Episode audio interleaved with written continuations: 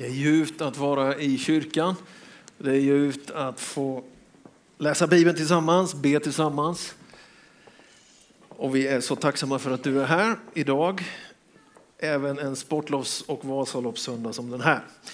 Ja, men vi har ju en serie, Tungotal tänkande tjänande, och det här är den avslutande söndagen i det temat. Och det handlar om tjänande, det handlar om engagemang. Och jag har läst texten då ifrån aposteln Paulus till sin medarbetare Timoteus och det är avslutningen på det första Timoteusbrevet som vi lyssnade till alldeles nyss här. Och han ger ju uppmaningar. Han ger positiva uppmaningar. Inte som när jag åkte längdskidåkningstävling i Eknässjön.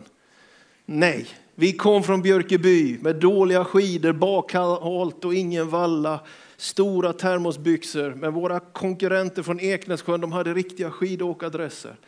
Och I och med att jag hette Alm så fick jag siffra nummer ett. Och med dessa dåliga skidor så gick jag ut först, men jag blev snabbt uppåkt. Jag vet inte hur många gånger jag hörde urspår. Urspår. Varenda jag hörde urspår. Jag tänkte jag skulle säga något annat till dig än att du ska ur spår eller spåra ur. Utan att det finns någonting i det här som Paulus säger till Timoteus. Kämpa trons goda kamp Timoteus. Ge inte upp, grip efter det eviga livet som du har blivit kallad till. Det finns någonting som Gud har gett till oss alla. Det finns en kallelse menar jag som är allmänmänsklig. Inom teologierna så har det utvecklats olika syn på det här att det är bara vissa och vissa som ärver frälsning och inte och sådär. Vår, vår, vad ska man säga, vår fåra av kristendoms erfarenhet och övertygelse är att Gud vill att alla människor ska bli frälsta. Gud har en kallelse för varje människas liv och Gud fyller varje människa med helig ande. Visst tror vi väl på det idag också. Och därför så är det inte så att vi kämpar trons goda kamp för att kanske kvalificera oss. Vi kämpar inte trons goda kamp för att duga på bekostnad av att någon annan är sämre än oss. Utan det är något annat som definierar detta.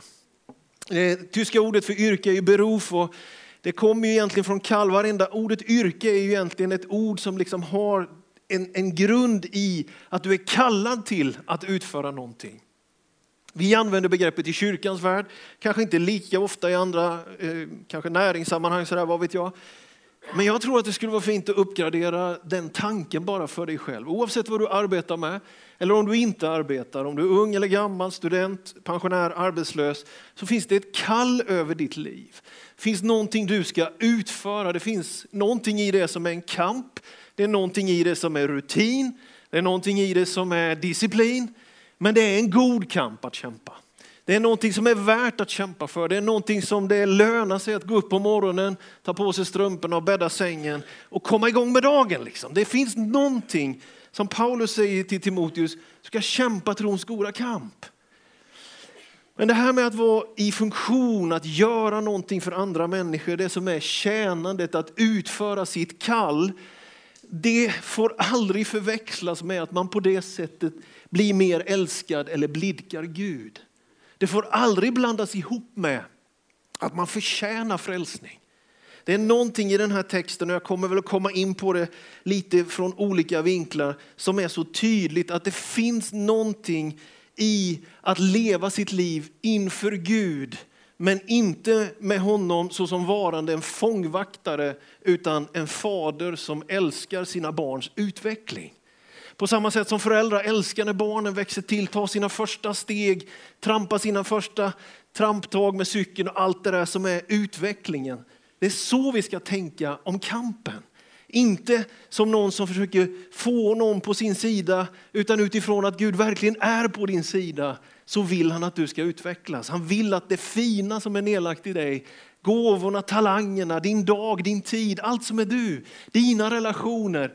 Det finns någonting som du måste faktiskt kämpa med, men det är en god kamp.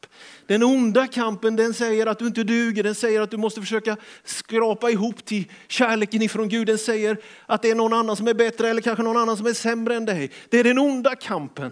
Men kyrkan slår an en annan ton om det här med att kämpa, att tjäna. Det är inte på bekostnad av någon annan utan det är utifrån Guds kall över var och ens våra liv. Så kan vi kämpa den goda kampen. Det är någonting utav det som är så värdefullt. Ni vet, när Martin Luther på något sätt vaknar till liv och reformationen blir ett faktum så är det säkert många saker som påverkar honom. En av dem som påverkar honom är att man handlar med skärselden. Jag vet, inom katolska kyrkan skärselden en uppfattning att efter du dör så beroende på dina handlingar får du vara i skärselden i en viss period av tid för att så att säga sona dina synder. Så utvecklade man, för att kunna finansiera Peterskyrkan i Rom, så utvecklade den katolska kyrkan på 1400-talet och så vidare framöver att man kunde köpa sina avlidna släktingars befrielse ur skärselden. När slanten i offerkistan klingar, den döda själen till himmelen sig svingar, typ sådana här formuleringar kom man på då. Det var inte jag som drog till det nu bara, utan det här är kyrkohistoria faktiskt. Man trodde att man med en offergåva eller ett engagemang skulle kunna på något sätt blidka, köpa frälsning. Gott syfte i och för sig då för sina släktingar. Det är någonting i det här som väcker hela Martin Luthers liksom aversion mot en sån erfarenhet av vad kristen tro är och ska vara. Nej, älskade vänner, det är fantastiskt att inte behöva förtjäna Guds kärlek, utan att den är bevisad redan på korset emot var och en av oss. Jag trycker in det här söndag efter söndag, att Gud älskar dig, han är på din sida, han är din fader, han vill det bästa i ditt liv. Och därför ska du kämpa trons goda kamp. Det är inte utifrån att få det höga betyget, det har du redan fått. Det är inte utifrån att få lönen, det har du redan fått det är frälsningen. Så vi bara säger det här, grip det här eviga livet som du har blivit kallad till, precis som Timoteus. Och som Timoteus bekände genom att avge den goda bekännelsen. Ja, vad är den goda bekännelsen inför många vittnen? Kanske det är när du lät döpa dig. Jag döpte mig långfredagen 1985. Vi var fyra grabbar som döptes, jag var den äldste just då. Man skulle avlägga sin bekännelse, precis som det står här. Min pappa han tryckte upp micken till mig först eftersom jag var äldst och jag lyckades få ur mig några ord. Sen sa nummer två, tre och fyra, jag håller med Daniel, sa alla de här fyra. Så det finns olika sätt kanske att uttrycka sin bekännelse, men man kan väl ändå säga då och konstatera att när du lät döpa dig i vatten, kommer du ihåg den dagen? En del av er kanske säger jag var jätteung. Och någon kanske var med om det förra månaden. Jag vet inte. Men den dagen så avlade du din bekännelse. Du tog ställning och sa, jag tillhör Jesus Kristus. Jag är hans. Det är din goda bekännelse, det är någonting du kan stå på idag. Det är länge sedan 1985 för min del. Och det är länge sedan för en del andra i det här rummet, men det håller fortfarande. Det är någonting som är stabilt i våra liv. Det är vår bekännelse till att Gud har en son som älskar mig och oss och att vi får leva det livet. Kämpa trons goda kamp, Daniel, Timoteus, Resa, Fatima, Lisa, Pelle. Kämpa trons goda kamp. Grip efter det där eviga livet som han har gett dig uppdrag, yrke, berov, kallelse till. Och det är någonting du redan har börjat med när du lät döpa dig. Så jag uppmanar dig, skriver Paulus till Timoteus, jag uppmanar dig, Gör det här inför Gud. Lev det livet inför honom. Alltså detta goda, detta i och för sig kämpande men med den goda grunden gör att människan, de goda gärningar vi gör av givande, av engagemang här i kyrkan eller i samhället, så är det fina med koden och kulturen att vårt tjänande inte bygger på att någon ska se det, att någon ska veta om det, utan vi gör det inför Gud.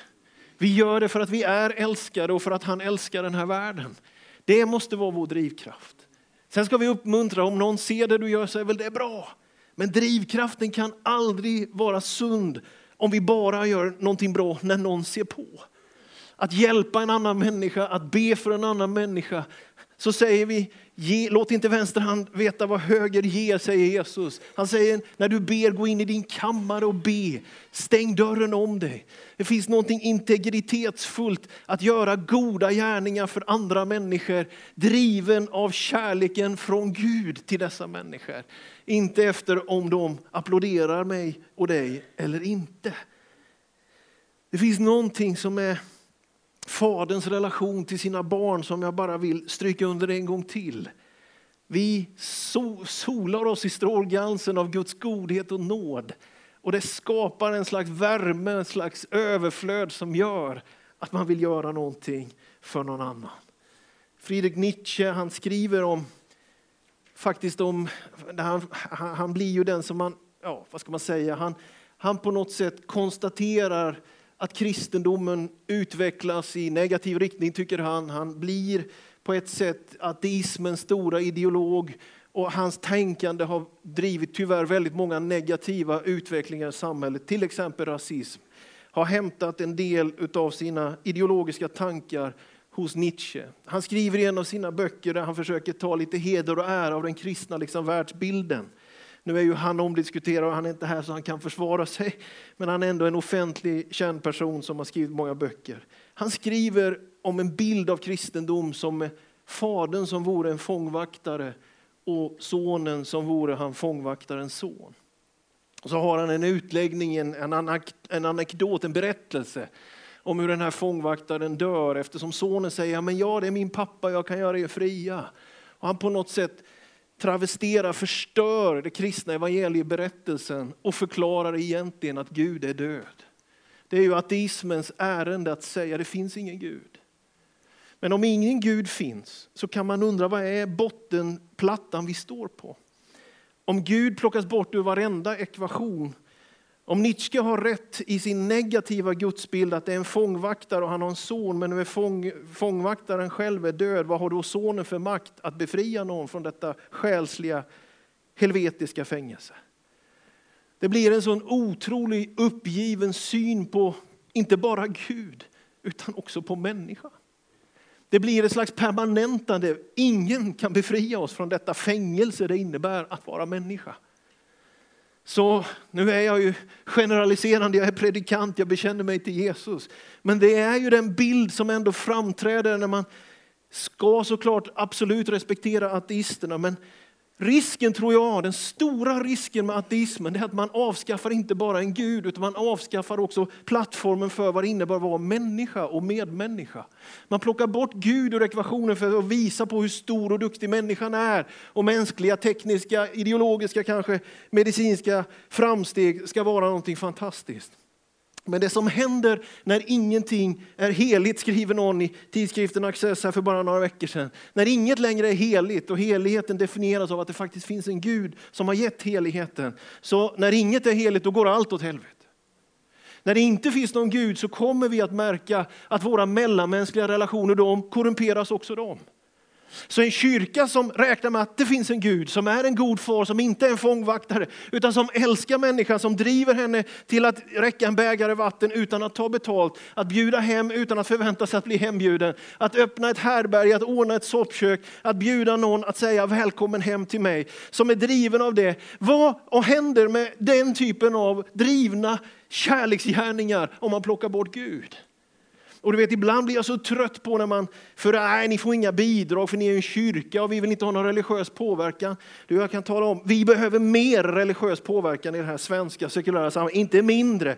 Det är ingen hemlighet att vi ber till Gud och startar ett härberge utan att ta en krona betalt eller begära bidrag av någon annan. Det är ingen hemlighet att vi står i det läget att vi hämtar vår drivkraft åt. Det finns en far någonstans som gör att vi existerar. Vi kommer inte bara ur ett, en, en en händelsekedja. Vi existerar inte bara ur en evolutionär utveckling, utan vi existerar ur en Gud som har skapat oss och som ville att vi skulle existera.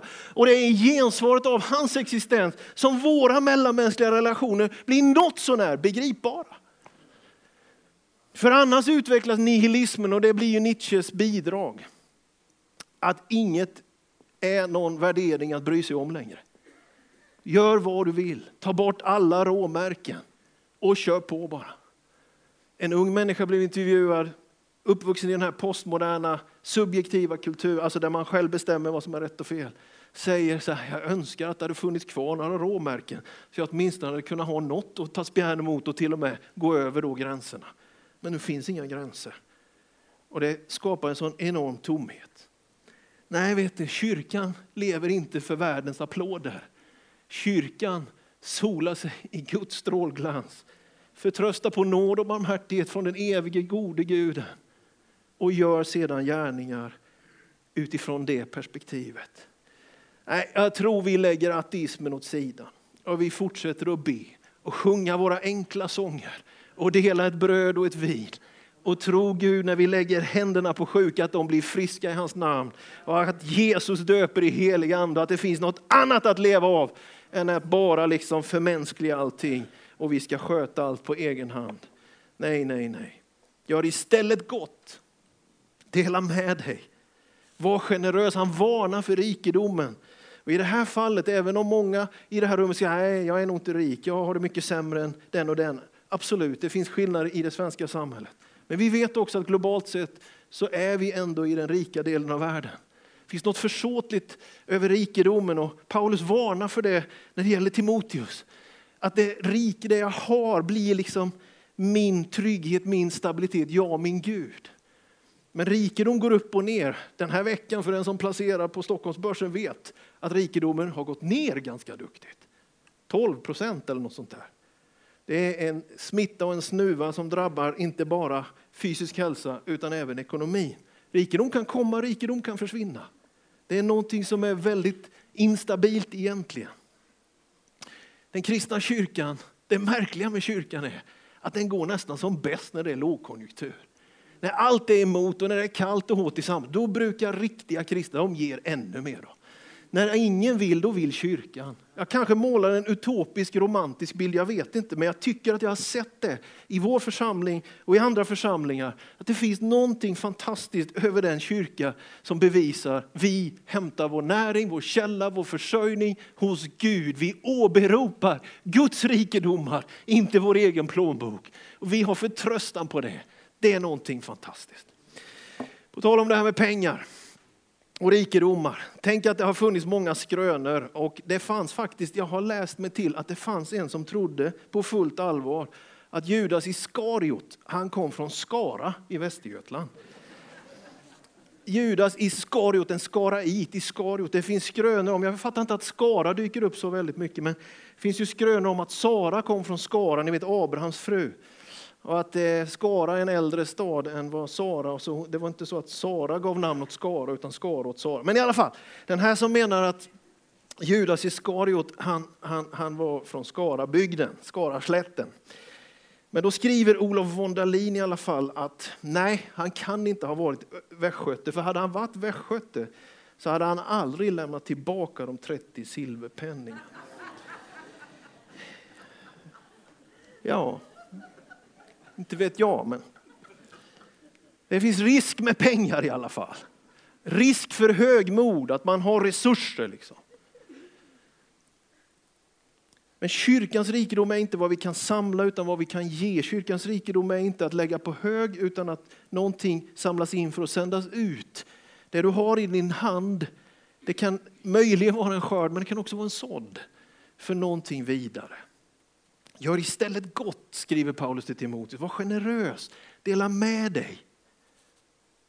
Det är någonting svårt det här att både älska Gud och människor på samma gång. Det är svårt att orka bry sig om andras nöd man har det så jobbigt själv. Det är svårt att riktigt ta in liksom hur andra känner det, för man mera ibland önskar att andra skulle känna hur jag känner det. Handen på hjärtat, är det inte så ibland? Vi önskar att någon skulle se all min nöd, all mina problem och så har folk tydligen fullt upp med sina egna. Ja, det är en knepig ekvation det där. Min utmaning till mig själv den här predikan och till dig som lyssnar. Det är att kasta dina egna bördor på Herren. Försök att göra det. Försök att inte oroa dig. Lita på Gud. Han kommer hjälpa dig.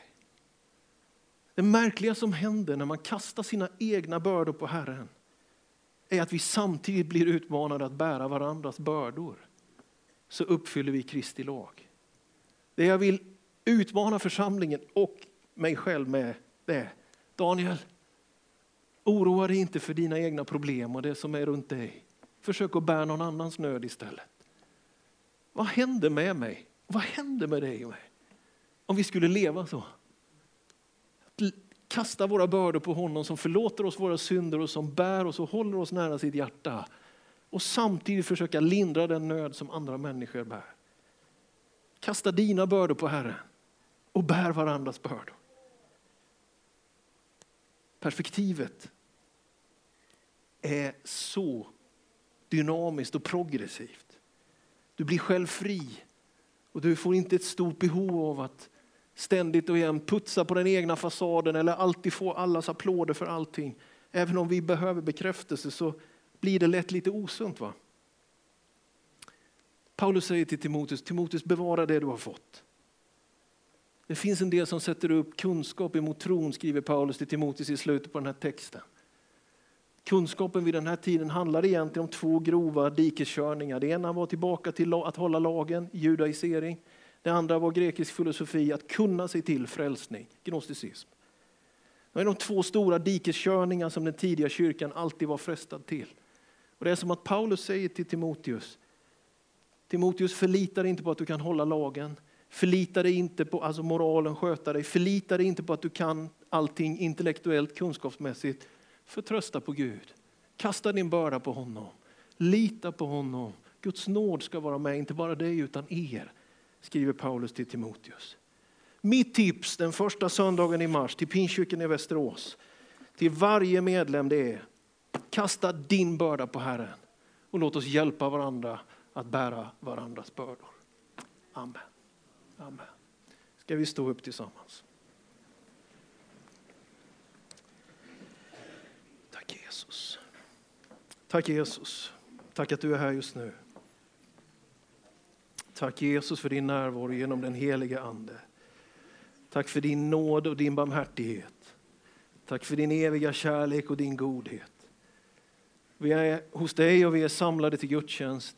Vi är personer, vi är individer, men vi är också ett folk. Vi vill inte ställa oss utanför, utan vi vill dra oss närmare. Vi längtar efter dig här och vi behöver varandra och vi behöver dig. Jesus, jag ber att många i det här rummet skulle kunna kasta sina bördor på dig idag. Det som inte blev som vi hade tänkt, det som är olöst, det som är brustna relationer, det som är knepiga situationer som på något sätt bara är, verkar parkerade hos oss. Gode, gode Gud, vi kommer till dig idag, vi kastar våra bördor på dig Herre. Vi vet att du har sagt det, att vi får göra det, så vi gör det Herre. Oron för den egna ekonomin, oron för de egna barnen, oron för den egna familjen. Allt det där som är oss så nära, men vi kommer till dig här och vi kastar våra bördor på dig. Vi behöver den lindringen, vi orkar inte själva bära vår egen börda Gud.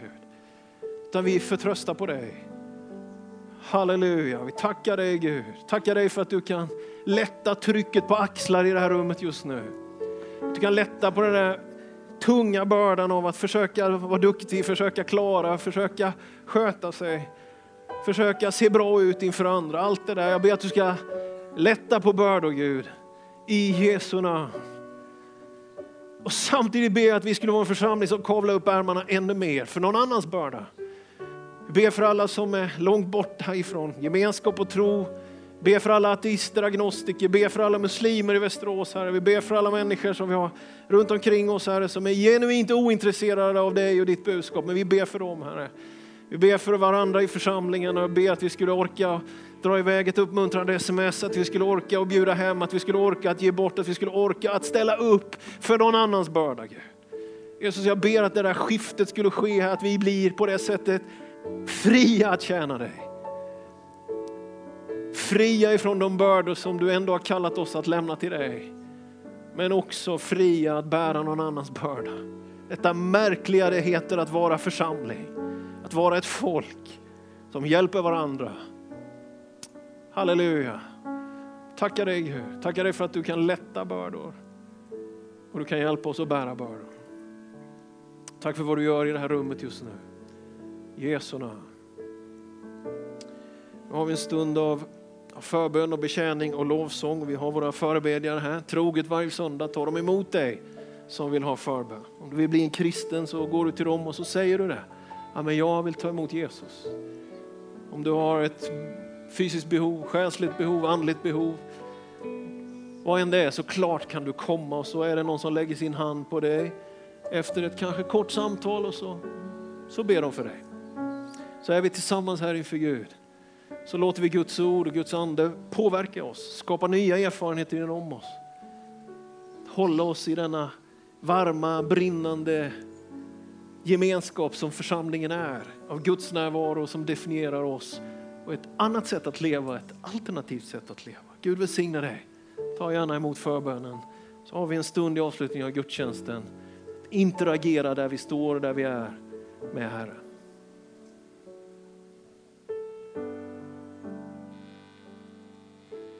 Gud, väck upp mitt